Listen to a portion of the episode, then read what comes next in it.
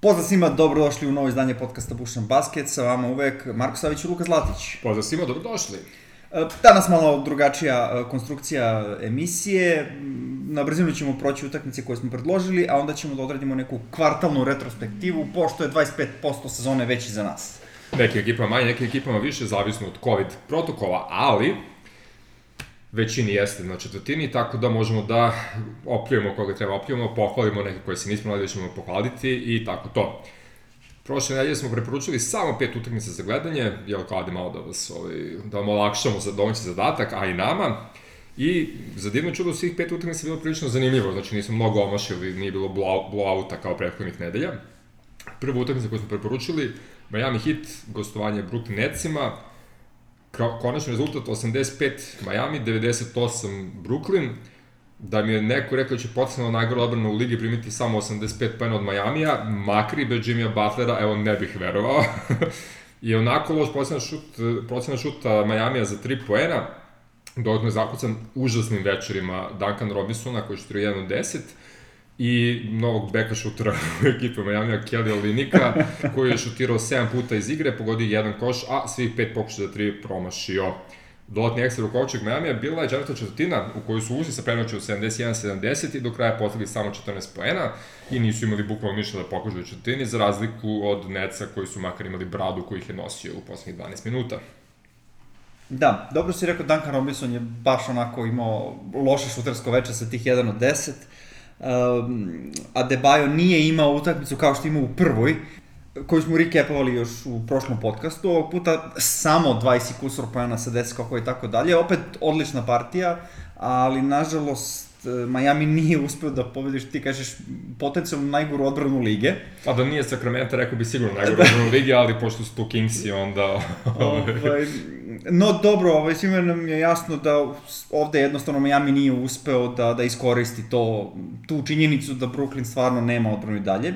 Ono što je zanimljivije je to da je Spolstra u prvom polovremenu uh, nabacio zonsku odbranu koja je potpuno poremetila uh, napadačku, napadačke sprave Brooklyna i to svih zvezda i svih ostalih. I to je nekako držalo vodu.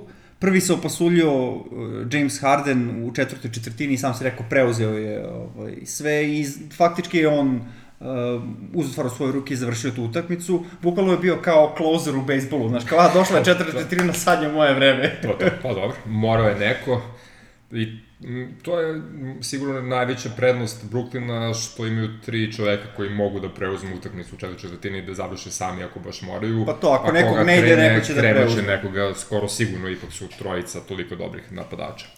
Uh, druga utakmica koju smo preporučili bio je duel dva potencijalna MVP-a sa naših prostora sigurno, a da su i ole ozbiljni glasači u Americi bilo bi realno dva potencijalna MVP-a. Uh, Denver je pobedio Dallas sa 117-113, Doći će možda bio bolje, imao je triple-double, 35 pojena, 11 skokova, 6 asistencija, Jokić ima 20 i 10, ali su Nuggets imali povratnika Michael Portera juniora, koji je postigao 30 poena i verovatno ključnu trojku za 7 razlike na 40 sekundi do kraja. Dobro, Michael Porter Jr. je dočekao da mu Jamal ne smeta više, pošto je Jamal bio izbrčen iz utakmice u ne znam 20 nekom minutu, 30, kako već. Tako je. Ovaj, ali dobro, mislim, ono što sam ja izvukao odatle je da, bez obzira što se Kristas Porzingis vratio, Denver je pobedio jedan Dallas koji je ipak osakaćen. Oni su bili bez tri, pa recimo bitna igrača u rotaciji, kakvi god da su, to su Dorian Finney-Smith, Maxi Kleber i, i Josh Richardson. I jedva su ih pobedili. Znači, više mi, e, više mi je ovaj, pozitivna nota što je Dallas uh, za malo izgubio, nego što da, su ove za malo pobedili. Pa dobro, pričat ćemo još o Denveru i njihovim mukama koje imaju, a i o Dallasu da. i njihovim mukama, tako da, da Mislim, lagano, dodao, bi, dodao bih, tu da, dodao bih još da, da je ipak Kristaps Porzingis imao lošu ofanzivnu partiju i to možda malo baca u senku odličan doprinos u odbrani. Bukvalno ga je svuda bilo, čuo je koga god je stigao kad god je mogao. Jasno. Što je okej, okay. mislim, sve dok ne budu imali tri igrača, Mavsi neće moći ova dvojica najboljih toliko divlji u napadu ili će bar jedan failovati što je dovoljno. Idemo sad na najbolje ekipe u ligi, Maltene, uh, Lakersi i Sixersi. Sixersi su kod kuće dobili 107-106. E, utakmica izgledala da će ući u možda čak i laganu pobedu Filadelfije. Na nekih 3 minuta do kraja Embiid imao 3 point play, znači kože dodatno bacanje. Sixers su imali 12 razlike, 105-93 i sledeća 3 minuta bukvalno Lakersi prave 13-0, preuzimaju prednost 106-105, u posljednjem napadu Sixers imaju šut, Toby Harris pogađa za pobedu na 30 minuta do kraja, AD pokušao ono iz oča s pola terena, ne pogađa naravno i Sixersi umalo da čokuju, ali izvuče pobedu. LeBron imao 3-4-6-6, obrva 23-8, Embiid 28, Tobi 24-7, Simons je imao triple-double, 17 pojena, 11 skokova, 10 asistencija i tako. Sixersi umalo da čokuju sa Dokom Riversom? Nemoguće. Nemoguće. Protiv Do... Lakersa koji inače čokuju, pa su da. čokovali u posljednjem napadu. no dobro, ispostavlja se da Doc Rivers ima novi nickname, Sam Choker, jel? Ima mm -hmm. nickname zvani Tobias Whisperer. Da, da. Očigledno je da, da Tobiasu odgovara Doc Rivers kao trener, pa verovatno i sama ekipa sa više šutera oko njema otvara mu više prostora za ulazak pod koš, što se vidi iz njegovih partija od početka sezone do sada. Um, možda ne opravdava baš onoliki ugovor koji ima, ali svakako opravdava svoj dolazak u Filadelfiju još one sezone Tako, tamo. Pa imamo najbolju verziju Tobija koju smo imali od kako je došao Tako u Sixers, što je super. Imamo Tako. i najbolju verziju Embida i možda i najkorisniju verziju Simonsa za sada, mislim. I pored toga što nije toliko potentan u napadu kao u prve dve svoje sezone. Da, ajde, o, Simonsu, o Simonsu ćemo malo kasnije sigurno, da. Ali evo konkretno u ovoj utakmici interesantno je da Filadelfija je možda u nekoj zavidnoj situaciji kad ih pogledaš protiv Lakersa. Mm -hmm. uh, za Davisa imaju Embida i Dwighta Howarda da ga čuvaju u nekom trenutku, znači mogu da se da, da dele minute na njemu u odbrani. Ako izbace Davisa, onda Montrez Harrell mora da igra odbranu na Embidu, što je da. 70 pojena za Embida sigurno. A sa druge strane, za Lebrona imaju i Tobajasa, i Simonsa, i Matisse Tajbula, znači ima, ima ljudi koji mogu da se smenjuju na Lebronu, tako da kažem, možda su u nekoj maloj zavidnoj situaciji sa time da eventualno mogu da uspore njih dvojicu. Da, pa interesantno, pričat ćemo o tome sigurno više kako se zona bude odmicala, ali Sixers imaju lepo napravljen tim, to smo hvalili četvrde godine, pa evo, ajde još jednom imaju lepo napravljen tim. Uh, idemo dalje. Kad smo prošli već utakmicu Lakersa, ja prođemo na utakmicu Bostona. Boston protiv San Antonija. Uh, Spars su bedili 110-106, bilo je uzbuljivo. Sparsi su napravili prenos u drugoj četvrtini, Kelti su stigli u trećoj, imali smo super uzbuljivu četvrtu četvrtinu, Uh, bilo je 109-106 na kraju, Marcus Smart pokušao da izjednače trojkom promašuje, Rudy Gay ima dva salona basnja, pogađa jedno, ali to je bilo dovoljno za Sparse koji pobeđuju. Vratio se Tatum, oni Jones imali po 25 i 24 poena, Kemba i Smart po 14, ali niko više u Bostonu preko 10 poena, što je ovaj, ipak nije dovoljno da bi se pobedili jedni San Antonio Spars i i Greg Popović. Spasi su imali šest igrača sa 10 plus poena, DeRozan je bio najbolji po meni sa 21 poen, 5 skokova, 7 asistencija, Lamarcus je bio onako Da, mislim, očekivano, da, očekivano, očekivano uzbudljiva utakmica, bar kad smo nas dvojica u pitanju. E, znamo već da još od početka sezone su svi otpisivali San Antonio za bilo šta dalje. E, moram da priznam da ovo to, to niste čuli kod nas, mi smo uvek bili ovaj, pozitivno nastrojeni prema San Antoniju, što zbog trenera, pa što i zbog rostera, ima tu mladih igrača koji su odlični. Um, ovo pričam zato što sam na ovoj našoj jednoj Facebook grupi NBA Svijet video jao niko ne priča o njima i tako dalje. Ne, greška, mi smo uvek bili mi pričamo, pozitivni tako, prema njima. Tako je. I uh, za kraj prošle nedelje, legendarni duel Lakers vs Celtics. I imali smo prilično legendarni duel, ima čak i taj rezultat iz 80-ih, 96, sve možda pre 90-ih, 96, 95 su dobili Lakersi na kraju. Uh, Celtics su ušli u početinu sa sedam razlike, Kuzma je postigao trojku na početku i to je neko poslao ritam koji su Lakersi držali 10 minuta i na, na minut 40 do kraja imali su sedam razlike, 96-89, a onda su krenuli u taj blagi čok koji im je nekako svojstven ove sezone, mislim da se malo opustili, ne znam šta je. Malo su promašili, malo gubili lopte i na 10 sekundi pre kraja Boston ima kontru za preokret i pobedu, Kemba je oteo loptu Anthony Davisu, bacio napad kada Jelenu Brownu, Caruso je ispratio Browna sjajno, on nije mu dozvolio da šutne, e, Brown vraća loptu nazad do Kembe, Kemba ide u dribling, šutira, promašuje, taj su uspeo da dođe do lopte, ali njegov odbitak ne ulazi u koš i to je to može se reći uz dosta sreće na kraju Lakers su iščupali pobedu, ali opet gledajući cijelu utakmicu možda i zasluženo pošto je trebalo već da pobede u tih posljednjih minuta da nisu blago čokovali, tako da teško je. Da, i jedna i druga ekipa su, su, su bili u, u poziciji kao aha, ovde završavamo i nisu to I nisu, uradili. Da. Uh, jasno, Kemba Walker je tu u suštini najveći tragičar i da je on bio malo bolji možda bi i to bilo drugačije, A mislim, o pa, tome šta se dešavalo posle... Fali mi jedan pogodak tako da. da. ne, ne, ali što se tiče poslednjih sekunda, to nikad ne može da bude ga, garancija, iako je taj Simo Zicer faktički koji je promašio. Da. Ali dobro, dešava se, šta ćeš. Uh, ono što je možda i najgora stvar u celoj ovoj utakmici bila je verovatno odlazak Ahilove tetive Markusa Smarta. Još uvek se ne zna, ali čekamo informaciju. Jasno, vidit ćemo kako će to da bude, a to će značajno promeniti verovatno i sudbinu Bostonove trade exceptiona i svega ostalog. U svakom slučaju, Kemba ima 1 od 12 iz igre, znači, tako da, ako je on kriv, kriv je, ali šta da se radi.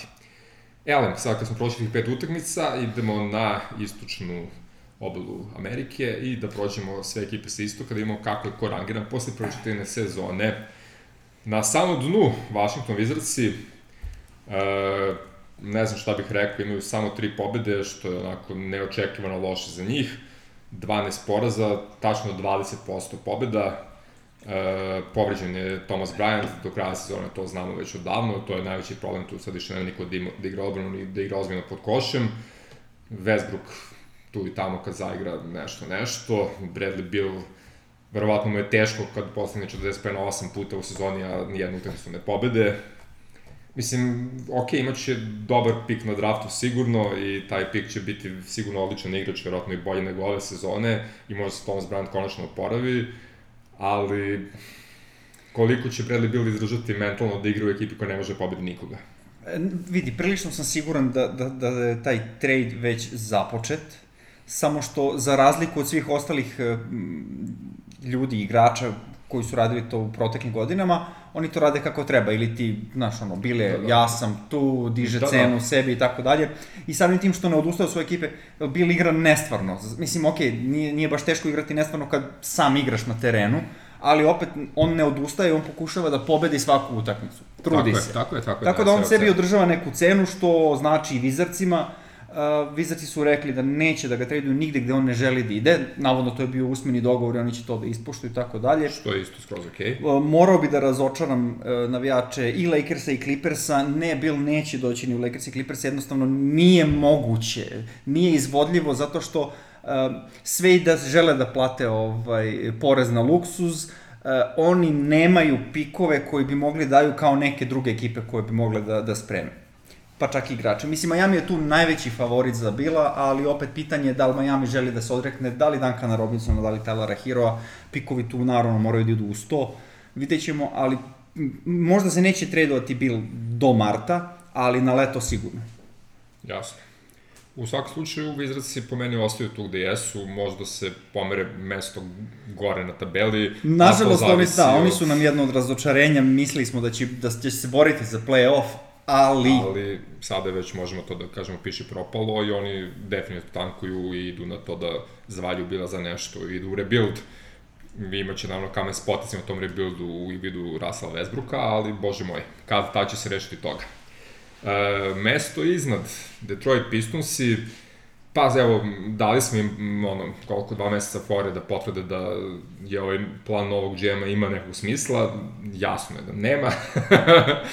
e, puštanje Vuda Dode. Pa kao gomilanje sumnjivih centara je eh, čudno, roster je bukvalno sasvjen od gomila roleplayera, e, od ostataka Blakea Griffina koji čovjek bukvalno ne može da skoči, a i redko može da potrči, što onako baš tužno za gledati, mislim, za jednog od baš. najdinamičnijih košarkaša koji smo imali prilike da gledamo prethodnih deseta godina. E, Killian Hayes koji je trebao da bude osveženje na bekovskim mestima je povređen isto do kraja sezone vrlo rano i bukvalno najbolji, najbolje sve te tačke su zapravo bivši dvojac Denvera, Jeremy Grant, koji radi sve ono što smo se nadali da će moći da radi i kao one, onako možda igračke najprijatnije zanađenje ove sezone.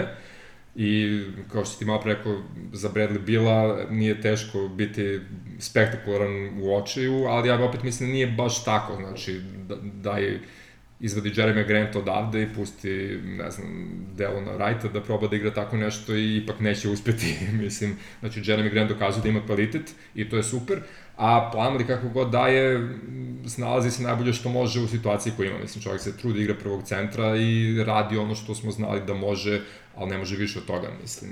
Ne može Plumlee da da. drugi igrač ekipe, a eto mora. Pored svega, oni dalje nekako nisu mi jasni ti minuti koji se dodeljuju igračima kojima ne treba razvijanje, nego, znaš, ono, što bih rekao, Plumlee, um, ovaj, kako se zove, Van Ellington, Jeste sad bukvalno pusti decu da igraju tako brate je, tako je, ne, onako ne, ne ideš nigde, može, ne ideš nigde. Mislim, Mislim žao mi je, žao mi je ovaj, Granta, ali dobro, to je njegov izbor bio. Denver je ponudio iste pare, on je Denver odbio, rekao je ja ne želim da igram sa vama, hoću veću ulogu u napadu, dobio si je, izvoli. I evo sad beriši poslednje mesto. Pa, da, malo sam solti, jes. Da, nek, to je potpuno u redu. Ne vidim, znači, ove sezone ništa od Detroita, osim ako ne odluče bukvalno da se posvete ovom rebuildu koji moraju da se posvete i reši se, ne znam, nekako Griffina, urade nešto sa Plumlijem, možda izvuku nešto dobro za Rosa, evo, nemam pojma, mislim, ali oni nisu playoff ekipa čak ni na istoku, mislim je vreme da odustanu od toga i da razvijaju ostale igrače. E, što se ostalih razočarenja na istoku tiče, evo ih odmah Toronto i Miami sa 7-12 skorovima jedan i drugi. E, realno od hita opet može se očekuje više, mislim, igrali su baš mnogo utakmica bez Jimmya Butlera, imali su taj COVID scare, Uh, i morat će da krenu da kidaju do kraja. Fakat je da im možda treba taj neki trade, možda ne ba za bila, ali za nešto ali ja očekujem da igraju bolje i pametnije i da će ipak morati da se uguraju u play-in, pošto su im do sad odmakli ovih top 6 poprilično, ali verujem da će u play-in sigurno ući. Sa druge strane, u Kanadi, a zapravo u Tampi, za Toronto, evo ne znam šta bih rekao, znači, ovaj, pričali smo i nas dvojica malo pre pripremajući se za ovo, ponekad odskoči neko, ali nikako da odigraju timski lepu utakmicu kako treba. Kad Pascal odskoči, ne odskoči Mobi, e, kad se odmara jedan, odmara se, ne odmara se drugi, nekako da igraju zajedno, Bušer ima neke minute pa ih onda nema, mm, Kyle Lowry kao srce ekipe bude isključeno u poslednjim sekundama kad mogu da preokrenu utakmicu i tako, čudne stvari se dešavaju u Torontu koji nije u Torontu. Dobro, samim tim što nisu u Torontu je možda opet jedna ovaj, stavka koja ih koči da napreduju. E, opet ne igraju na svom terenu, Uh, ajde sad, to što nemaju svoje navijače, Toronto ima jedno od boljih navijača i, ima. i, i bukvalno ih podižu, ali to je kako njima, tako i svima. Um, očigledno je da im uh, dva ključa fale koje su imali prošle sezone, to su Marka Solis i Serži Baka kakvi god da su bili, oni su bili na centru, delili su minute, u zavisnosti od mečapa ili kako koga išlo, jedan igro više, jedan manje, nekad po pola. Uh, očigledno da fali to neko iskustvo. Pa bukvalno da imaju jednog od njih dvojice, pre bih rekao i Bako ove sezone, bili bi daleko bolji. Mislim, Bušer je u suštini neka jeftinija verzija i Bake, ali opet nekako to ne ide, izgleda, nikako ne može da se ovaj, dogovori sa Nursom kako će to da funkcioniše. Jasne, njih dvojice imaju čitavu, ove, mislim, već evo dve, tri godine, nisu mi isto, nisi talentni dužinama njih dvojice, to je ono što je problem. A i Bušer kakav god daje talent, on je isto već na blizini, u blizini vrhunca svoje karijere, ima 28 godina, znači ne može on mnogo sad nešto da eksplodira, ovaj, tu je negde, tako da ima dosta muka šta i kako raditi sa njim, ali je fakt da do sad pokazuje kako mu se daju minute naj, najviše od svih centara, mislim, Lene već je otpušten, Baines je daleko ispod prošlogodišnje forme, tako da nešto mora da se promeni. Što se tiče Majamija, pa evo, aj vidjet ćemo, vratio se sad Butler, vidjet ćemo kako što ide sa time. Za sada dokazuju da im je prošla sezona bila slučajnost. E, iskreno se nadam da se to neće potvrditi, tako da nadam se da će se popeti gore i da će zauzeti mesto u play-offu kad tad. To, ja sam već rekao, verujem u njih, ali ako nastave ovaj, da ređuju poraze u sledeće dve, dve nedelje, mislim da će morati ozbiljno da se zabrinu. Uh, Chicago Bullsi, pa oni su mi tu nekako tu gde jesu. Ove, ovaj, donekle su konsolidovali ekipu, manje više izgledalo da imaju petorku, pa čak i celu rotaciju imaju užasan problem što si ti, ti spominju u pro, prošlim podcastima da im bekovi ne igraju nikakvu odbranu ovaj, i da ono, ako će neko primi 150 poena, to su oni Sacramento i Brooklyn. Izgubili su Vendela Cartera i Unera na bar mesec dana, što je tek problem u celoj toj mm, raspodeli snaga. I mislim da će se on prekasno vratiti da bi napali play-in čak i ovde i da će ostati manje više tu gde jesu. Ok, ne, ne, da je zapad otpisao bih lako, s obzirom da je istok ne mogu tek tako tek otpišem, pogotovo što Zach Lavin pa igra i All-Star sezonu možda, ne vidim kako ga, zašto ga ne bi ove godine uvrstili u All-Star, sigurno će biti dovoljno glasova za njega, da li će se taj All-Star igrati ili ne, to se još uvek Sigurno čeka. se da- glasa, to je ono što je bitno, da. mora da se odglasa svoje. Uh, očigledno da postoji napredak u ofanzivi, ako ništa drugo, Donovan je to lepo ovaj, uklopio, što mlade igrače, što starije, to su i Tadeusz Young i, i Otto Porter Jr., Tako da to sve funkcioniše lepo u napadu, samo im odbrana im manjka, već sam spomenuo možda čak i u prošloj emisiji da su Zach Lavin i Kobe White bukvalno najgori bekovski dvojac u odbrani. Tako je, spomenuo si.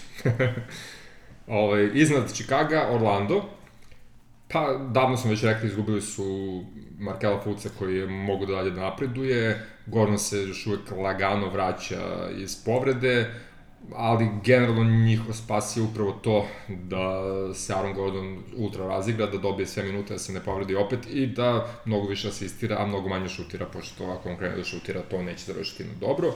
Imali su probleme Makice i sa Terensom Rosso koji je bio gore dole i sa povredom Fourniera, tako da imaju taj neki, da kažeš, problem sa povredama kao i svi, nisu bili pođeni toga, tako da u teoriji mogu da budu bolji, ali nekako opet ja nemam osjećaj da mogu da budu mnogo bolji.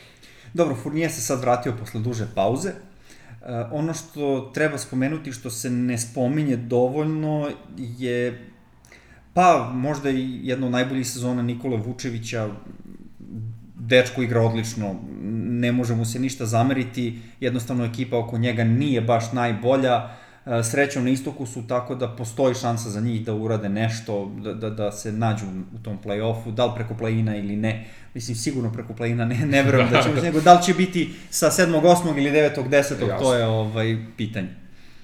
Ok, imamo tri overačivera, Nixi, Hornets i Cavsi, Ove, ovaj, da. Reče niko ne, nikad. reče niko nikad, 7, 8 i 9 mesto ovaj, na istoku, Cleveland sa 9-10 i Charlotte New York sa 9-11, znači 45 i 47,4% pobeda. Pa eto, imamo tri ekipe koje nas prijatno iznenađuju, ne znam šta još da kažem, zanimljivo je da Nik se vuče odbrana, što smo stvarno očekivali, u smislu znali smo kojim je trener i čime će ako neće odbranom, s druge strane gledali smo tu ekipu i kao ko će tu igra odbranu, međutim igraju odbranu, Uh, Julius Randle igra ono, tu neku mini MVP sezonu, bukvalno radi sve, skače, asistira, daje poene. Uh, trudi se po, koliko može odbrani ipak to Julius Randle. RJ Barrett je poprilično u odnosu na pro, pre, prošlu sezonu i onako mogu ljudi da se osvane na njega.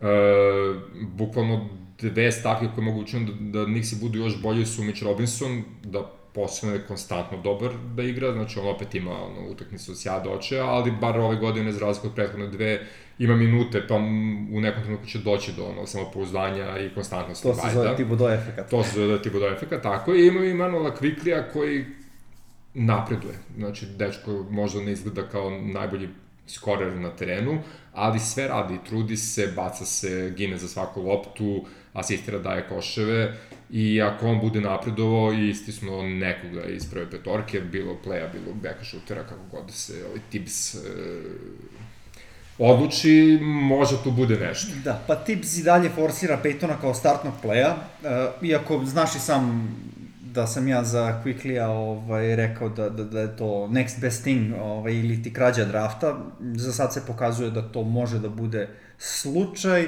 i stvarno mislim da bi trebalo da dobije ovaj, te minute iz startnog playa i sve. Ono što je čudno je da on u nekim trucima stvarno deluje i kao najbolji igrač te ekipe. Ali dobro, to je samo na trenutak, na da se razumemo. Pa dobro. To je slična priča kao smo pričali u prošloj ili pretprošlom podcastu za Lamela. Uh, ok je da neko vreme bude da igra protiv drugih petorki dok se ne privikne na brzinu i razmišljanju NBA-u, a doći će neki trenutak, verovatno, ono, u, posle, posle ostra breaka, gde će obojica imati priliku da popuno breakoutuju. Vidjet ćemo kada će kako to doći za kogo od njih dvojice, ali ja verujem da je to plan i jednoj drugoj ekipi. I kad smo već spomenuli Lamela, ovaj, Uh, Hayward najbolje potpisivanje ove sezone za sada. Vidi, MVP ekipe. Kao što smo rekli, e, što se, strane, što se biznis strane tiče, to je pobeda, a očigledno su i u play-offu, tako da... da, da, pa vidi, ovo je najbliže godinu Haywardu iz one poslednje sezone u Juti, kada je stvarno bio all-star igrač što on sada igra i meni je jako lepo da to vidim, jer Leme gamer kao i većina nas, je super momak, tako da je to okej. Okay. Dopada mi se što tokom sezone napreduju i PJ Washington i Lamelo. Znači, PJ je baš bio u kanalu prvih par nedelja, sad sve više više lično na sebe ono što je obećano da će dobijati minute na centru, dobija i sve više i ja mislim da bi bilo prilično pametno da odustanu od guranja Kodija Zellera na tu Absolutno poziciju, osim kad baš ne mora. da, i to bi donelo i još minuta Milesu Bridgesu za koga sam siguran da postoji još mesta za napredak. Sigurno, postoji mesta za napredak, a i on bolje igra na četvorci nego na trojci gde mora da igra ako PJ igra četvorku. Tako da, ono, ako se to posluži, Charlotte možda može čak i bolje. Takođe je pitanje trenutka kada će Lamelo da istisne da li no, Grema, da li Scary Terija iz prve petorke, opet je sinoć imao su partiju, postigo je 20 pojena sa šutom iz igre 7 od 9 recimo, i pokazuje da može i hoće i da će biti bolje nego što sam ja recimo očekivao da će biti ove sezone. Tako da ako oni budu napredovali, napredovaće i Charlotte. Da, pa ja računam da, da je uspeh Charlotte dosta povezan sa uspehom Lamelo Bola i koliko ulože u njega. Pa da, definitivno. Čak i, I, i ovo što smo već rekli za, za Kodija Zellera, PJ Washington i Miles Bridges ovaj, trogao. I da se Gordon Hayward ne povredi. Dobro, okej. Okay. To je, Ajde, da, da kažemo da je to deo koji ne možeš da rešiš odlukom. To ako se desi, tako, desilo se to. Tako, na to ne možeš da utičeš. Uh, Cleveland Cavaliersi hvalili smo prošle, prošle nedelje kako su se rešili problematičnog igrača. Sexland se vratio, obojice igraju, ovaj, obojice igraju dobro da obojice igraju kako pleja, kako šutera, zavisi kako kom ide, što je super. Uh, imaju, da kažemo, punu petorku, imaju šestog čoveka u Jaretu Allenu, međutim, opet se vraćamo na isto pitanje od prošle emisije, pa i pretpošle, šta sa Jaretom Allenom i šta sa Dramondom sa Jaretom Allenom, kako će to funkcionisati. Pre nego što dođem do tog pitanja, šta sa Kevinom Lavom? Šta sa Kevinom Lavom? ne do bog da se ono poravi od povrede. Znaš kao šta sa tim raditi sad, ono, baš je, baš je nezgodna situacija šta znam, pretpostavljam da, da Dramon će biti trade, on neće potpisati ponovo sa Clevelandom 100%, sigurno će biti free agent, isplati im se da uzmu bilo šta za njega, apsolutno bilo šta. Tako da ne, vidim, ne vidim drugi, drugi, drugi ovaj, izlaz iz toga, jedino ako su baš, baš optimisti, pa kao, potpisat će od sa nama. Pa da, ali zašto? Ne, Mislim, ne, nema, nema, nema ne trebaju logike. jedni drugima, nije ni bitno. Uglavnom, ta neka petorka koju mogu da sad izbace na, na parket, e, ako bude napredovala, a zašto ne bi napredovala, može bude ozbiljan igrač na istoku u godinama koje dolaze. Možda ne ove godine, ali ove godine sigurno mogu ako nastave ovako da uđu taj play-in i zašto da ne u play-off. Pa eto. Da, samo da ne bude onoga dve godine su daleko da budu dve godine daleko. Dobro, to je uvek problem. Ove, kod Denvera se to najviše vidi, recimo, oni su na godinu dana od toga budu ozbiljan kontender, da, pa da. nešto sprčkaju i ne budu kontender, bit ćemo sledeće godine, kao to je okej, okay, ali bože moj. I dolazimo, eto, u top 6, gde mislim da ne vrem da će bilo koji iz top 6 do kraja na istoku ispasti iz tih top 6, osim šestog mesta to su Hawksi, što je opet okej, okay, mislim, to su Hawksi na mestu gde smo očekivali da će biti i možda čak i prirodno iznenađenje što su trenutno šesti imajući u vidu uh, kako su sezonu do sada imali priče o svađama između Treja Younga i Collinsa i povrede i dalje ne igra čitava ekipa. Ali eto, oni su šesti, drže se i ne bih imao ništa protiv da kažem, ono se sigurno što ostaće šesti do kraja i to je to. Da, e, vrlo verovatno. Vidjet ćemo kako će što da ide. E, treba da se vrate i Galinari i Bogdanović. Ono što im je u suštini najbitnije je da od kapele dobijaju ono što su očekivali kad su tradovali za njega. Možda čak i više od toga. Možda čak i više od toga. Uh, postoji hemija između njega i Trae Younga, takav je tip igrača, ovaj, lob igrač, uz Trae Younga to je idealno, to funkcioniše, naravno Collins tu trpi, verovatno to jeste problem, uh, nisam čuo neke nove tračeve da će tradovati Collinsa, mislim ne vidim zašto bi, on u suštini može da se uklopi uz, uz uh, kapelu kao četvorka, sa druge strane, E, više timski može da se uklopi, a ne onako kako bi on želeo sa onom silnom statistikom koju imao Jeste, pre. Jeste, naravno, ali s druge strane, ako malo mućno glavom, jasno da je to okej, okay, on može znači, da bude ozbiljna prva četvorka te ekipe i da igra peticu kad recimo Kapela nije na terenu. Sa Galom na četvorci, Sa Galom na četvorci da. i onda da ima sve te lobove za koje znamo da funkcionišu između njega i Trea, tako da ima dosta opcija i bukvalno ono na treneru da ego je mladih i punih sebe košarkaša uklopi i bit će još bolja Atlanta nego što možda i jeste dobra, a jeste dobra. Da ne pričamo da je Rondo i dalje tu. Ne, da, tako je, u play-offu ima da se demoliraju svakoga, neće znati gde se nalazi. I dolazimo do top 5 istoka, gde jeste top 5 ekipa koje smo i predvideli da će tu biti i ja mislim da će ovde do kraja sezone biti gomila ovaj, premeštanja u smislu ko će biti prvi, ko peti, ko treći, ko drugi, sve može da se promeni. Da, ipak smo mi ubacili tu i Miami, koga nema sada. Kog nema sada, dobro, u, u top 6, ok. Uh, Boston na petom mjestu trenutno, evo pred dve su bili prvi na istoku, sad su peti, uh, ali se oporavljaju, Tatum izašao iz COVID protokola, Kemba i pored 1 od 12 koji ima sad protiv Lakersa igra sve bolje i bolje, ima problem sa Smartom naravno i Peyton priča da je neki 50% oporavka kolena, vidjet ćemo kako će to biti i od te dve povrede zapravo najviše zavisi sve će biti sa trade exceptionom i gde će se povećavati u smislu da li će morati igrač da se jedan dovede bolji ili čak dvojica ako je za Smarta gotova sezona ili tako nešto. Da, Smart je tu sad najveći znak pitanja, taj trade exception stoji leprša, vidjet ćemo šta će da. biti s tim, morat će nešto da urade s tim. Da ne bi ne vidim, da, ne, ne, ne vidim zašto ne bi. Uh, moram da priznam da me taj pozitivno iznenadio, pa poentira, se, igra odbranu, formu, da, da, da. da. Uh, fino se uklapa i sad, sa druge strane, to mi je loše zbog uh, Roberta Williamsa, zato što, eto, mislim da je Robert Williams ipak tu najbolji centar u potencijalu i da bi mu trebalo dati još minuta, sad predstavnic verovatno zna više od mene. Jasno. Možda moguće, sam ja malo subjektivan, da. da. Uglavnom vidit ćemo, bukvalno saznaćemo da šta je s tom povredom i gde će da ide Angel razmišljanje kako pojačati ekipu zapravo i tu ćemo znati više o Bostonu ove sezone.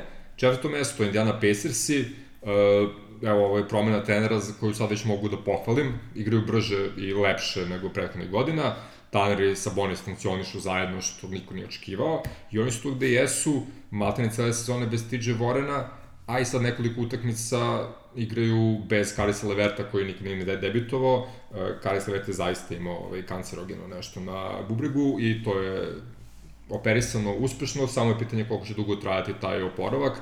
Ukoliko se relativno brzo, a uspešno vrate i TJ Warren i Karis Levert, pa se onda i uklopio u ekipu, Indiana Pacersi mogu da budu ozbiljni nego što sam očekivao početkom sezone. Pa da, apsolutno. E, već smo čak i pričali o njima o prošli i pretprošli put, isto smo pohvalili trenera. E, ključ, je, ključ uspeha je Turner i Sabonis što funkcionišu zajedno. Tako je. E, Turner, pa možda Dipo je ove godine, reklo bi se. Ovako da tako, da. Mislim, ne vidim, ne vidim zašto ne. Uh, a što najbitnije uklapa se u napadu i to je to, nema šta. Karis Lever bi se tu odlično uklopio sa Brogdonom, njih dvojica zajedno su kompatibilni mnogo više nego što su bili Brogdon i Oladipo. Uh, dobro, TJ Warren znaš da ga ne volim nešto spo, mnogo, ali um, sharpshooter je tako da ono može da odluči i više utakmica u play-offu, ne samo jednu. Tako je. Vratio im se Jeremy Lamb sad relativno skoro i već sa tim uprođenim mestima na krilu ovaj, ima relativno dobre statistike. To će vrlo trpeti kad se ova dvojica vrate, ali sve dok on igra dobro, nije bitno da će postane 20 ili 10 pojena, mislim, to je već pitanje minuta. Uglavnom, očekujem dosta od Pacersa ako sve bude na zdravstvenom polju bilo, kako treba da bude. Treće mesto ili tek treće mesto, Milwaukee Bucksi, E, sad je pitanje e, da li je stvar mentaliteta zaista. Ove, ti si par puta spominjao nedostatak agresivnosti, što se stvarno vidi, mislim, osim Džrua koji uvek igra na maksimumu, e, Middleton puni statistike, ali je nekako mekan, Janis se ne troši previše, da li namerno, da li po naredbi, da li se čuva za playoff, nemam pojma, on izgleda onako dosta veselo posle utakmice i uvek, tako da mislim da nema problem što su tek treći. Sad, da li oni samo odlučuju da prokrastare kroz regularnu sezonu i da uđu u playoff tako s tom nekom atmosferom kao sve, ok, sabit ćemo u playoffu, ili im zaista fali mentalitetu, mentalitetu negde duboko ta agresivnost, to ćemo videti.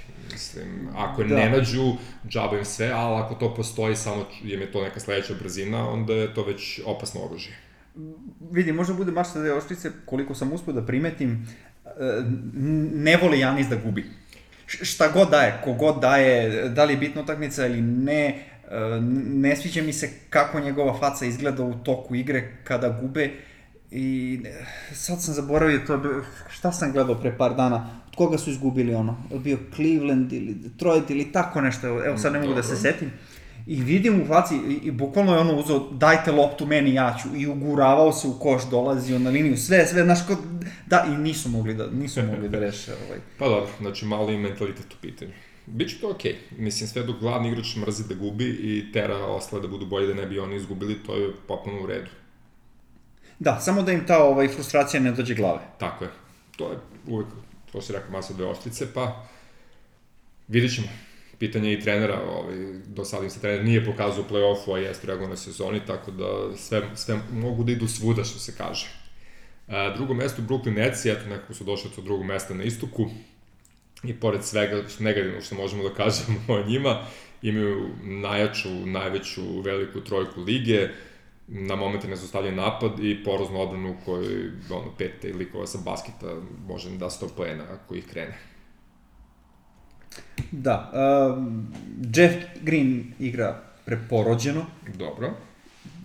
Deandre Jordan je Deandre Jordan, ja znam da je to ime, ali nije defanzivac, nije onaj atleta ko što je bio. Uh, Ali odbrana, to velike telo je, mislim, daje sve od sebe. Telo jeste, to stoji. A, sigurno nisu završili sa građenjem ekipe.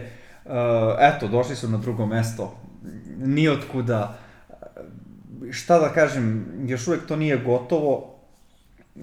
I dalje nisam optimista po pitanju uh, Neca i da osvajaju odmah u prvoj sezoni, ali na istoku će sigurno biti, uh, ako ne prvi kontender, tako je tu su u top 3. A, ono što im ovo drugo mesto u ovom trenutku daje jeste dodatno vreme da odluče šta da rade. U smislu sad ne moraju na brzinu da popunjavaju rupe u odbrani. Jer kada bi sad popunjavali rupe u odbrani, imali bi izbor recimo među Andre Robins, Robertsona, koji je pokazao OKC-u još ovaj, da bukvalno ne radi ništa osim što igra odbranu, ali igra vrhunsku odbranu. E sad šta će da li ti u petorci sa ovom trojicom odgovara će igra odbranu za petoricu, ali ne može da koša nikako, ili ti ne odgovara, to je pitanje. Na FA listi je Devin Deadman kao centar, što je sigurno bolje rešenje za odbranu nego Alex Len, recimo. ali je pitanje koliko Deadman ima snage još u sebi, u smislu u kojoj on formi i tako to. I na FA listi možda najbolji kandidat za Nets u ovom trenutku je bivši igrač ekipe Ronde Holly Jefferson, kog sam uvek gotivio onako, ba zato što ume da da ponekad neki poen, čak i dosta poena ako mu krene, a generalno igra odbranu radi preljave stvari u ekipi. E sad, koliko ćemo da. para tražiti, koliko je on u formi, ali eto, nije loša opcija. Ronda je čak i bio u Brooklynu, do nedavno. Da, da. Ovaj, vidjet ćemo, ne, ne znam, za Ronda nisam baš siguran da, da li je to da ono što im treba. Ne, ne, čak bih pre uzeo Andre Robertsona nego Rondeja, baš mhm. zbog toga što si rekao, znači, dovoljno da igra odbranu, ništa više ne mora da radi. Javel McGee se dovodi u, u pitanje kao uh, trade opcija i navodno Kevin Love vraćamo se ne ne dobro Kevin Love je bio ko nekim u nekim tračevima ali Kevin Love apsolutno nema nikakve logike. Pa nema. Da, da ti pogotovo što za Kevin Love ti opet moraš da, da, da krnjiš svoj roster i da uvedeš njega koji je opet neki skorer ne igrati odbranu. Ne treba baš ti ne treba. A može to uslov, ovaj, kao ćete Džavala, uzmite Kevina Lava. A postoji još jedan igrač iz iste te ekipe, vraćamo se na Dramonda, za koji je već rečeno kao, ne, to je pitanje vremena, kao buyout je već e, dogovoren i kao pitanje vremena kada će doći u nece. Da. Ne znam koliko je to istina ili ne, nemam pojma, ali na, na, na više strana sam to čuo. E, to je nešto, to je onako dosta zanimljivo i priča se stvarno već neko vreme o potencijalnom buyoutu Dramonda, a i da li ima smisla kao davati mu neke pare samo da ode ili ga stvarno zameniti za bilo kakve pikove, ne, stvarno nemam pojma, evo šta je tu pametno, ali vreme će pokazati. Mislim, uh, ko zna šta ovaj, ispod stola kavalirsi da, da, da. dobijaju za taj buyout. Tako je, to je isto ovaj, opcija, vidjet ćemo. Prvo mesto istoka, Philadelphia 76ers E, već smo palili čak i u ovom podcastu izgleda ekipe, imamo košarkašku ekipu za razliku od neke čudne ekipe koja je bila prošle sezone. Postavka je takva, mislim, ako ništa, dok Rivers se napravi ekipu koju se zna ko šta radi. Embiid MVP i on stvarno MVP je, osim onog trenutka kada si ga prozivao što neće da igra, pa je počeo još više da MVP-uje. e, imaju Tobija koji je najbolji Tobi u poslednjih par godina, imaju Simonsa koji radi što treba i gomilu igrača koji iskaču kad uh, treba. Seth Curry je Max izgubio onu svoju ulogu da sipa trojke u beskraj koju ima na početku sezone zbog covid ali vjerojatno će vratiti ako Kad treba. tad može da proradi. Kad tad, tako da. je. Imaju Shea Miltona na istoj toj poziciji. Mislim, lepo izgledaju ti Sixersi. E, da, koliko god lepo da izgledaju, uvek može bolje. E, evo dakle da krenem, Ben Simmons, recimo. Ben Simmons. E, jedan od najboljih ofanzivnih igrača u tranziciji, mm -hmm. nema šta. Jedan od najboljih defanzivnih igrača, nema šta. Bukvalno može da brani od kese do četvorke sve. Tako pa je. čak i neke petice. I, I pritom dobro igra odbranu, nije, nije samo kao e može, da, da, nego može, dobro da, igra. Da, igra odbranu. Problem je kod organizacionog napada. Mm. Znači, kad nije tranzicija, e, šta je fora? Šta on u tom sistemu radi? Pa, apsolutno ništa. Znaš, kao, sve se kao nešto mota. Mora da počne da trči po terenu bez lopte i da pravi blokove. Jasno. igračima bez lopte. To je ono što sam primetio da bi eventualno mogao da napreduje tu, da imaš neku ulogu i u tom napadu kad nemaš loptu u rukama. Da li je to nešto što jedan od dobrih, ali najprecenjenijih trenera lige Doc Rivers može da primeti da promeni kod njega. E, I stvarno ne želim da kažem, koliko god mi prozivamo Riversa, stvarno ne želim da kažem da, da, da bolje znam njegov posao od njega. ovaj, možda se to sve zna, možda rade na tome, možda je Ben Simmons tvrdoglav, ko će ga znati? Pa dobro, Tvrdogav je sigurno, da. to je pokazao sa svojim da. rukom kojom šutira očino i tako dalje, tako dalje, ali... Sa druge strane, vratio bih se malo na e, MVP-a Embida.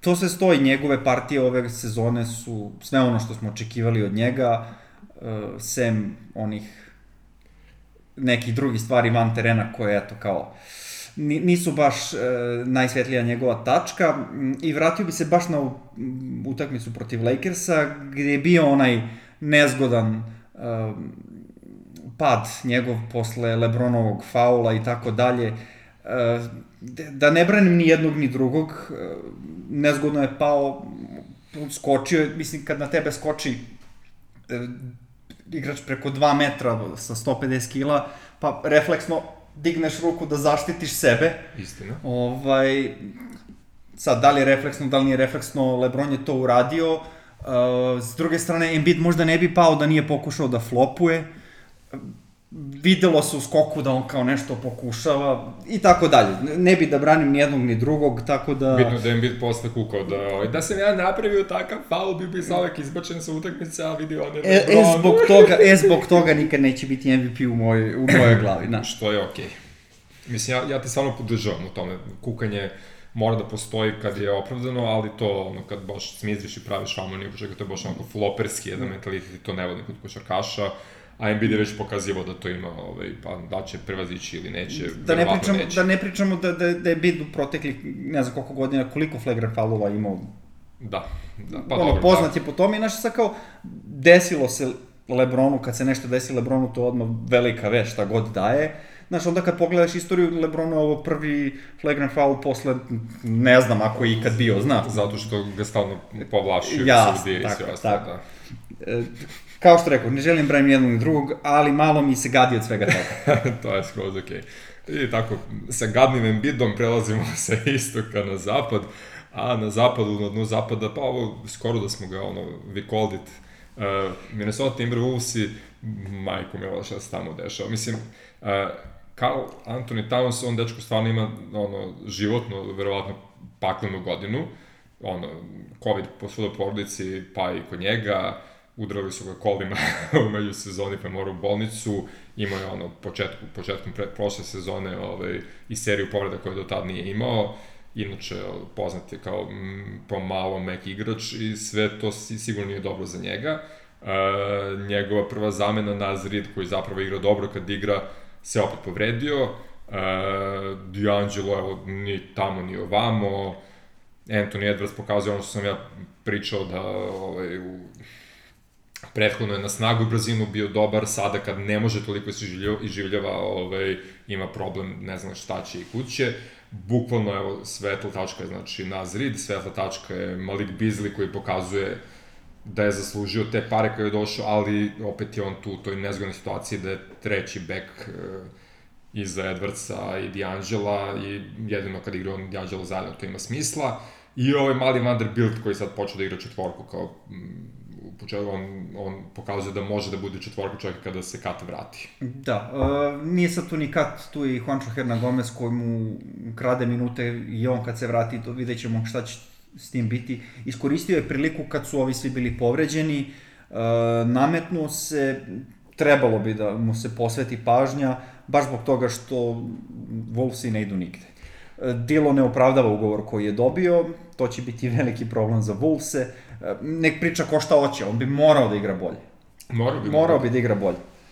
S katom, bez kata, on bi morao da igra bolje i on bi u suštini morao da bude vođa ove ekipe kad kata nema na terenu, a to se ne dešava. A to se ne dešava, tako je tu ti Bizli ti radi sve, mislim, i to ne sme tako da bude. Ali fakat je da postoji tih nekih, da kažeš, 5-6 igrača na kojima može da se grade i sledeća sezona, ona posle, da se uzme prvi, drugi, treći pik na draftu, da se uzme dobar igrač i da se taj rebuild konačno aktivira kako treba, mislim. Ve, već smo videli da oni sa prvim pikom ne znaju baš šta da rade. da, Ali, De, bože moj. Pa uzeli su trojku koju nema šut, to smo pričali još na, na, tako je, tako posle je. samog drafta. I šta da očekuješ? Ne mnogo.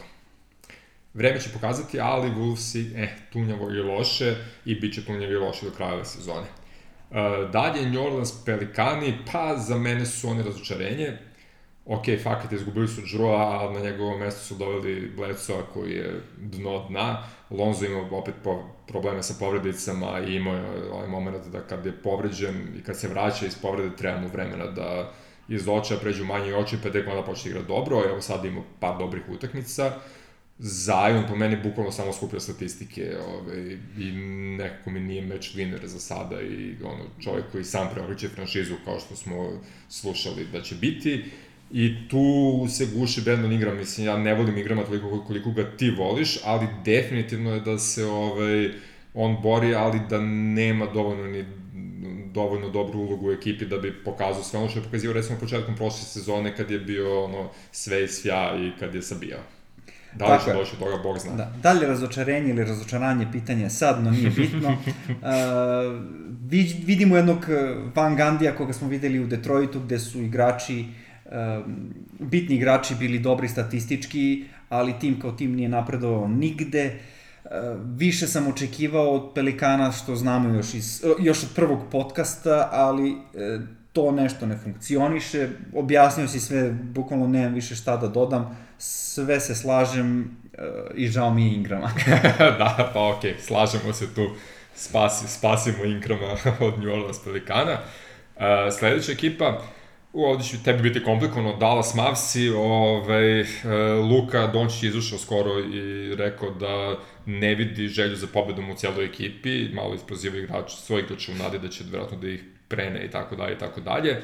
Uh, imali su ok skor prošle nedelje, oni su vezali pet poraza, par tih poraza je bilo malo i neslično do duše, ali pet poraza, pet poraza na ovom zapadu I to je to, možda im zapravo, osim da im se vrate tri igrača koje se opet spominjao početkom podcasta, treba i neka mentalna terapija kao što su Hawksi možda prošli i da krenu bolje. Da. Ne vidim zašto misliš da bi im bilo komplikovano. Aha. Uh, Dallas je tu, gde, gde jeste, gde sam i očekivao. Čak, čak i, ovaj, znaš ono, imaš loš Houston, imaš Pelikane koji su Ovaj, pa, odustali, nisu odustali, nego tu su gde jesu i izgleda da ne, ne mogu bolje, a njih sam rangirao vi, više nego Dallas. Uh, ok, Memphis će pasti kad tad, oni imaju manjak utakmice, zato su gore. Ali Dallas ima problem. Dallas ima problem uh, što je, uh, kako bih rekao, prehajpovan. Jasno. Zbog Dončića najviše, jel? Uh, odbrana je bilo nešto što me baš pozitivno iznenadilo, ali sem toga oni imaju problem, pa što KP nije igrao od početka, sad ova trojica, stalno im neko fali, um, ali čak i da su skroz kompletni, uh, ne znam, i dalje mislim da je uh, Josh Richardson za Seta Karija downgrade.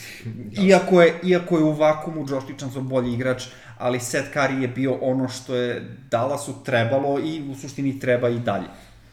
Pa okay, ja i dalje smatram znači, da su oni, kad su zdravi, play-in ekipa, ali da nisu sigurno top 6. A znamo da većina ljudi misli da jesu top 6, ali nije bitno. Ove, sledeći, najgora odbrana lige, Sacramento Kingsi. Ne znam šta bih rekao za njih, osim da su najgora odbrana lige. Čini mi se da poslednjih par utakmica, koji su ča, tri puta čak i pobedili, ove, imaju bar neku viziju neke rotacije koju koriste. U smislu, malo su ispromenđivali ovaj, ko igra šta koliko. Uh, Halibarton napreduje, Marvin Bagley dobije neke minute i koristi ih, ali opet...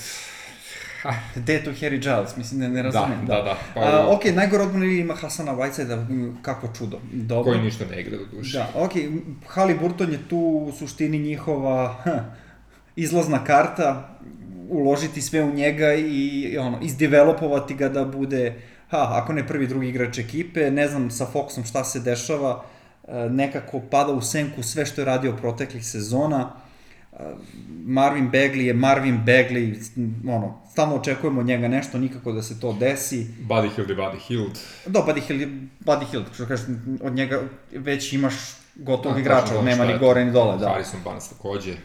Tako je. Mislim, oni su to gde jesu, mislim tu da neće biti jesu, bolje ni gori. Ovaj. Iznenađenje mi je što su ispred Dallasa, koliko god da je Dallas u problemu, očekujem da će Dallas njih da prešiša, uh, ako se bar mentalno ovaj, srede. Jasno. Vidjet ćemo, za Sacramento nisam optimista nikakav. Uh, da kažemo, listu ekipa koja sigurno neće u play-in OKC, oni onako i ovako kako gde su sada prebacuju svoj maksimum, rekao bih i pitanje je trenutka kad će zaista apsolutno početi samo da pružaju prostor mlađim igračima da napreduju uz sitnu podršku Horforda ovaj, kao najiskusnijih igrača tu. Dopada mi se bukvalno kod njih samo to što Šaj i dalje igra onako kako treba da igra. Uh, Bezli podbacuje, uh, Dort onako tu i tamo pokaže šta je mogo da bude kao i Bezli na kraju krajeva i njih dvojica moraju da budu okusnica tog nekog rebuilda iza Šaja. Tako je, tu nema šta da se doda, oni su svakog ekipe koje neće ući u play-off bez obzira što su tu sad gde jesu. I to je njima okej, okay, već smo o tome pričali, imaju brdo pikova, mogu da rade šta hoće.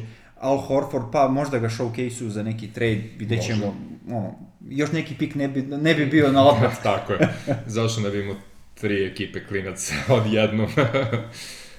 što roster može imati 15 igrača, dobro, ali bože moj, vidjet ćemo. Ok, sad dolazimo do top 10 na zapadu i to su već play-in ekipe i play-off ekipe i nekoliko ekipa koje će Dallas recimo morati da pretekne da bi ušao u play-in, a da li će moći? Pa dosta teško.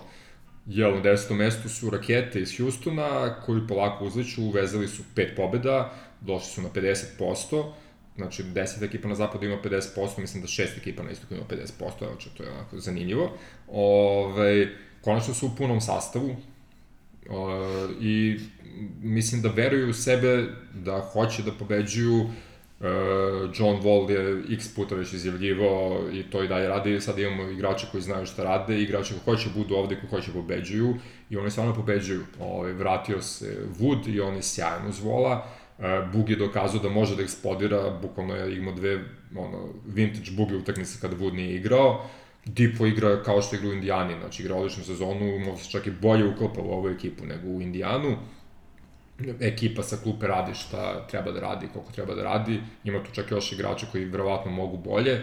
Tako da, ono, Houston ono, dokazuje da su sigurno play-in ekipa, verovatno play-off ekipa, što smo i očekivali u nekom trenutku kad se sve ono, razrešilo oko njih. Da, vrlo verovatno, e, čak i bez Hardena ovo pristojno deluje, sasvim pristojno, e, povreda Vuda ih je malo desetovala, povreda Vola ih je malo desetovala i tako dalje, u početku su imali one COVID protokole i tako dalje, bukvalno su sa time oni sad na desetom mestu i deluje kao da, da mogu samo gore da idu, Uh, što kažeš, Bugi je odigrao dve vintage partije koje, koje, koje je onako bile baš nostal, nostalgične za sve nas.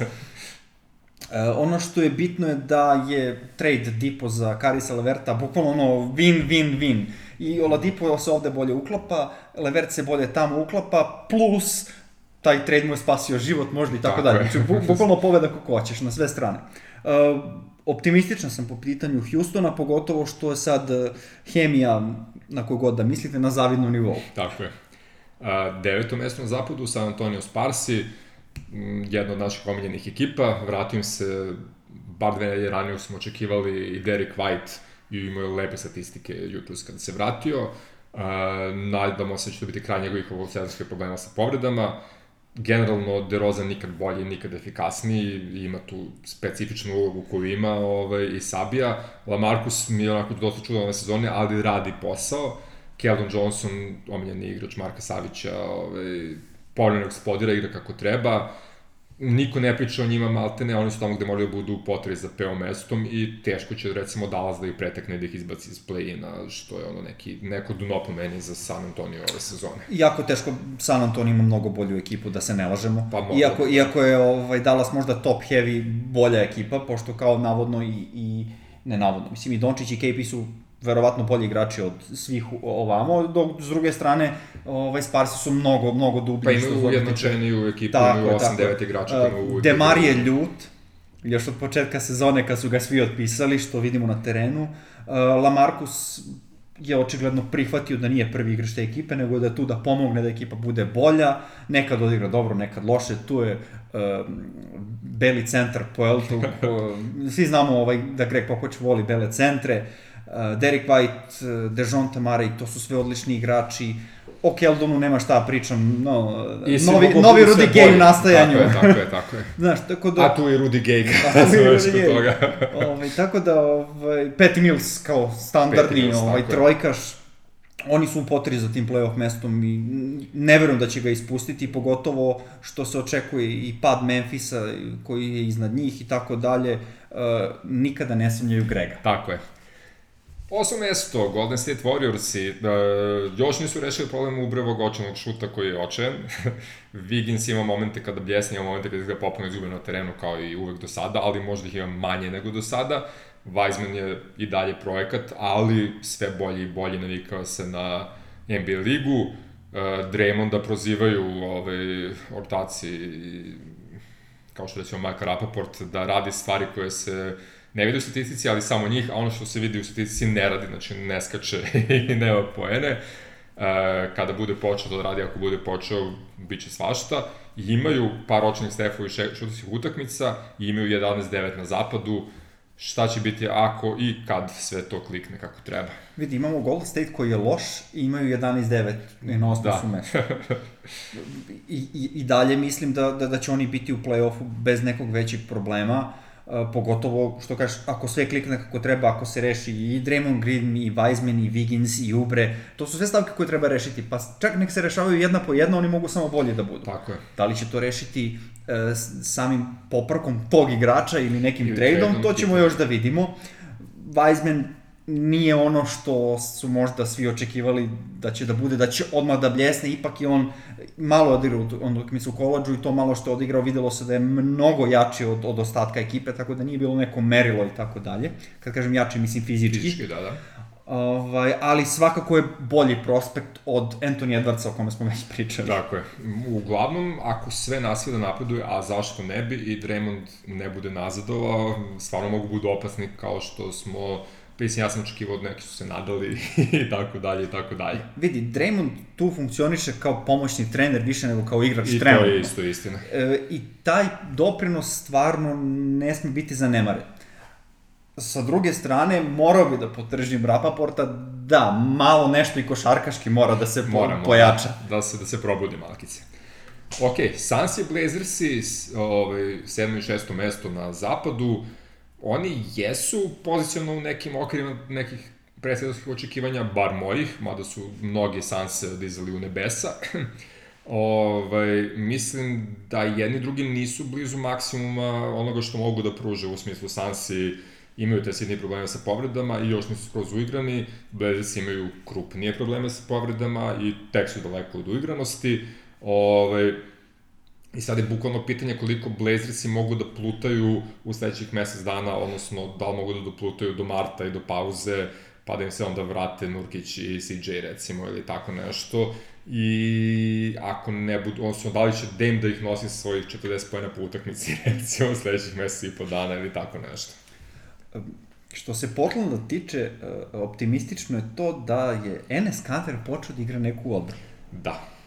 Kakva je, takva je, odbrana je, Odbrana je. u odnosu na ono što je pre radio, ovo je pš, MVP. Tako je, tako je. The Tako point. da, eto, ima tu neke pozitive.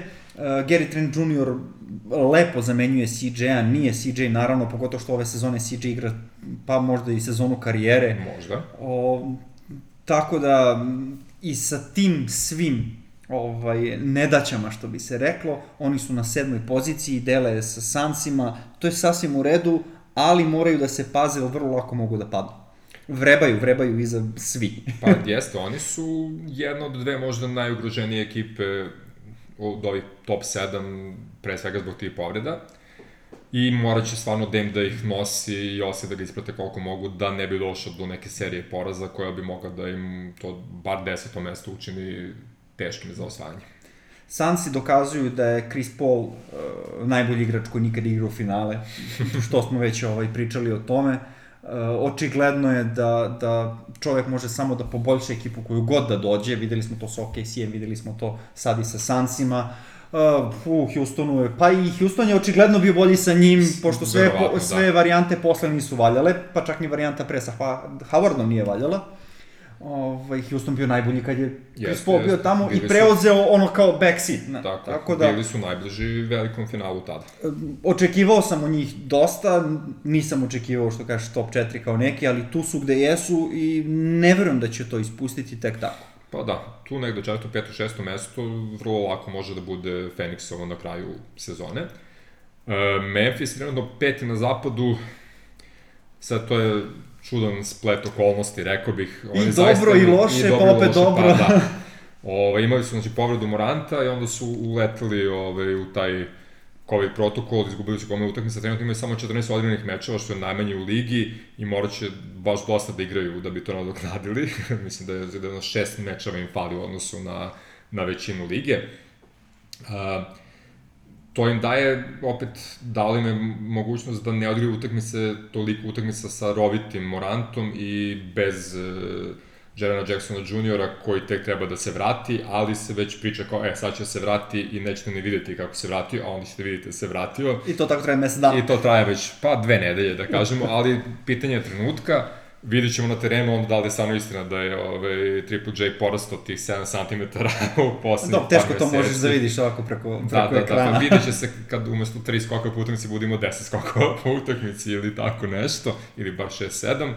Uh, fakt je da su oni imali start 2-6, a da su sad na 8-6 i da izgledaju na momente zaista kao playoff ekipa, igraju ozbiljno, trude se i daju sve od sebe. Imaju onaj mentalitet koji su imali ove, nekada ranije e, Conley Gasol e, Grizzly, što je super, Jamorant ima taj moment da vuče ekipu kad igra, čak kad ne igra dobro, on vuče ekipu svojim ponašanjem na terenu i realno mogu samo bolje. Mislim, i dalje igraju bez Valanciunasa i Triple J-a, tako da kad se njih dvojica vrate, ako sve ostalo ostane kako treba, biće teško izbaciti ih iz top 10. Možda jesu najugroženiji u Sportlandu u, u, u, u top 10 ekipa, ali će ono, biti teško izbaciti iz top 10. Pa da, imaju tu sreću u nesreći što su te odložene utakmice u suštini nešto što će nadoknaditi sa zdravijim biltenom nego što bi inače Tako igrao. je.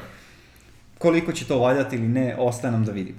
Jasno. Top 4 na zapadu, Denver Nuggets i pored svega lošeg što može da im se kaže, ovaj, a svašta ima loše, odbranu ne igraju uopšte, MPJ ima problema sa svime što ima mogo, ima problema, e, Marija Vlakat je tu i tamo, Malon e, pobećaju, ima čudne odluke, kad će ko da igra, kad ko neće da igra, ko igra u crunch time-u, ko ne igra u crunch time-u i sve ono što ima čitavu, čitavu svoju karijeru trenersku. Uh, ali eto, čeriti su na zapadu i pored svega toga, bukvalno kad bi igrali odbranu bili bi pravi kontender, ovako su neki dark horse, I tu su gde jesu, pre svega, zahvaljujući apsolutno MVP sezoni Nikola Jokića, koji igra i najzreliji do sada i prvi put u karijeri mislim da nije kasno upalio, nego od početka ređe vrhunske statistike i čini ekipu bolje.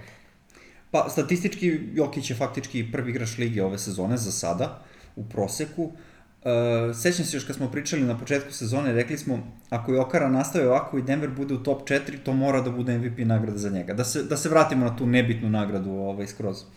Uh, I dalje mislim da je to tako, ali ne verujem da će tako biti. Guraće nagradu ili Embiidu ili Lebronu koliko god budu mogli.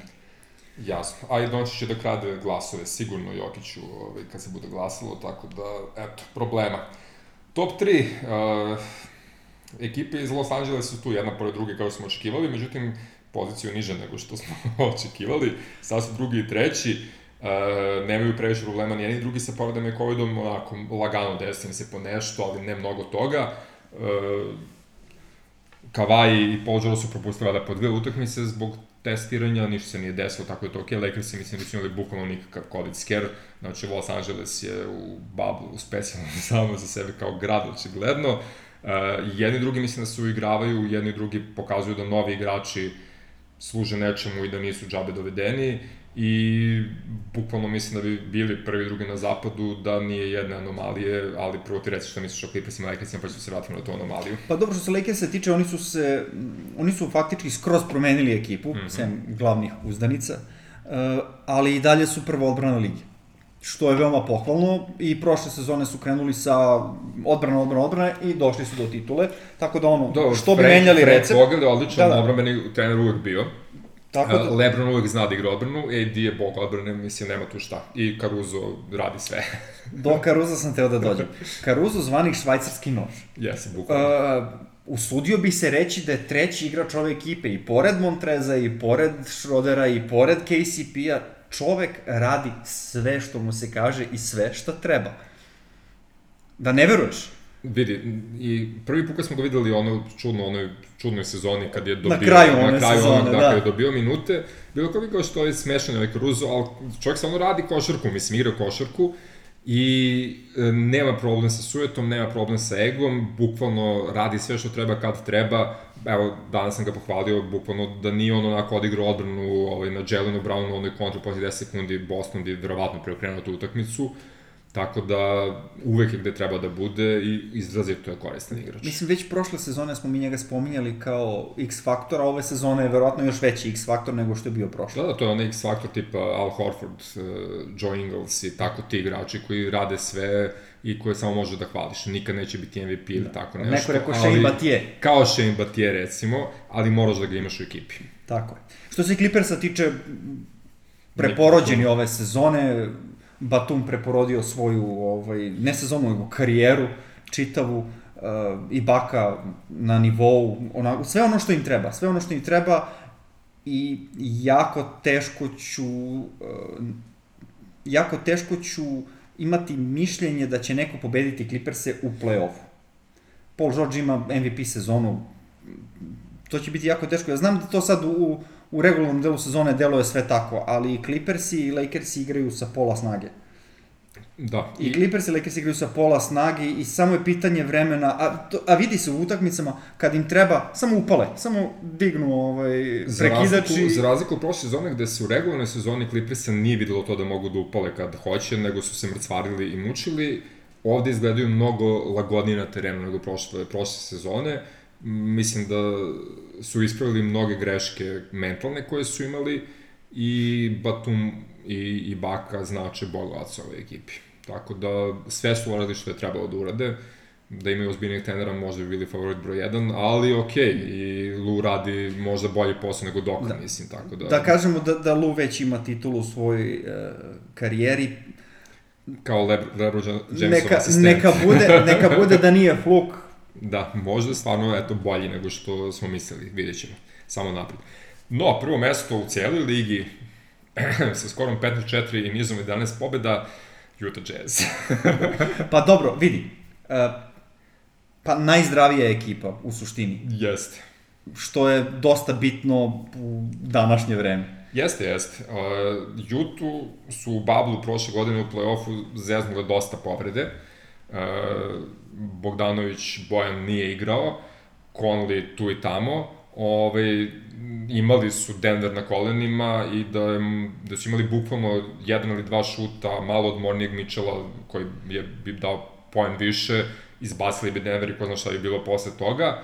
Uh, imaju najmanje promenjenu ekipu od svih ekipa na zapadu imaju Bogdanovića, imaju Inglesa i Conleya koji smo učili da igraju jedan sa drugima prošle godine, to uopšte nije išlo kako treba, imaju Conleya koji igra baš ono što treba da igra, i imaju Mitchella koji je na 60-70% po meni i ima probleme s povredicama i opet su tu gde jesu i to je ono što je ovaj, po meni dodatno pozitivno u celoj ovoj priči. Uh, E sad, ja sam ono veliki navijač Utah Jazz još doba Stockton Melona i apsolutno neću biti objektivan nikad kad pričam o njima. Tako da ja očekujem finale zapada Utah Golden State i ko tu pobedi će da oduva Boston u velikom finalu i to je to. A ovo sve što se dešava, ne znam šta bih rekao. Kontenderi broj 1. Dobro, ne bi... Sve pripada Juti. Tako. Ovaj, znao sam da će ovo biti ovaj, veliki moment za tebe. Uživaj dok možeš. E, Ne bih imao šta da dodam, Juta je jednostavno tu najzdravija od svih i sa ovim o, win streakom što imaju do sad, potpuno zaslu, zasluženo su na prvom mestu za sada. E, Da li će to držati, vidjet ćemo. Da li će ekipe iz Los Angelesa hteti uopšte da se biju za tu prvu poziciju, da li ćemo opet imati bubble za playoff ili će se igrati domaći teren, teren u gostima, vidjet ćemo, Ni, ništa od toga još ne znam. Pa vidi, ako bude domaći teren, ja ne bih gostovao u Salt Lake City-u četiri puta u bilo kojoj seriji, tako da, mislim, ne znam šta bih ti rekao. Osvajam. Sve znam. Sve znaš. ok, pošto smo prošli kroz sve ekipe i zaključili da e, na zapadu imamo tri ekipe sa boljim skorom koji ima Philadelphia na istoku kao najbolja ekipa na istoku, idemo na preporu utakmice za sledeću nedelju. Već večeras, ako stignemo da okačimo ovaj podcast, 31. januar, 21 čas 30 minuta ili 21.45, pošto ćemo da gledamo 15 minuta him, Himana i ostalih dosadnih momenta. E, derbi zapada, najbolja ekipa u ligi, Utah Jazz gostuje ne toliko lošim Denver Nuggetsima i Nikoli Jokiću.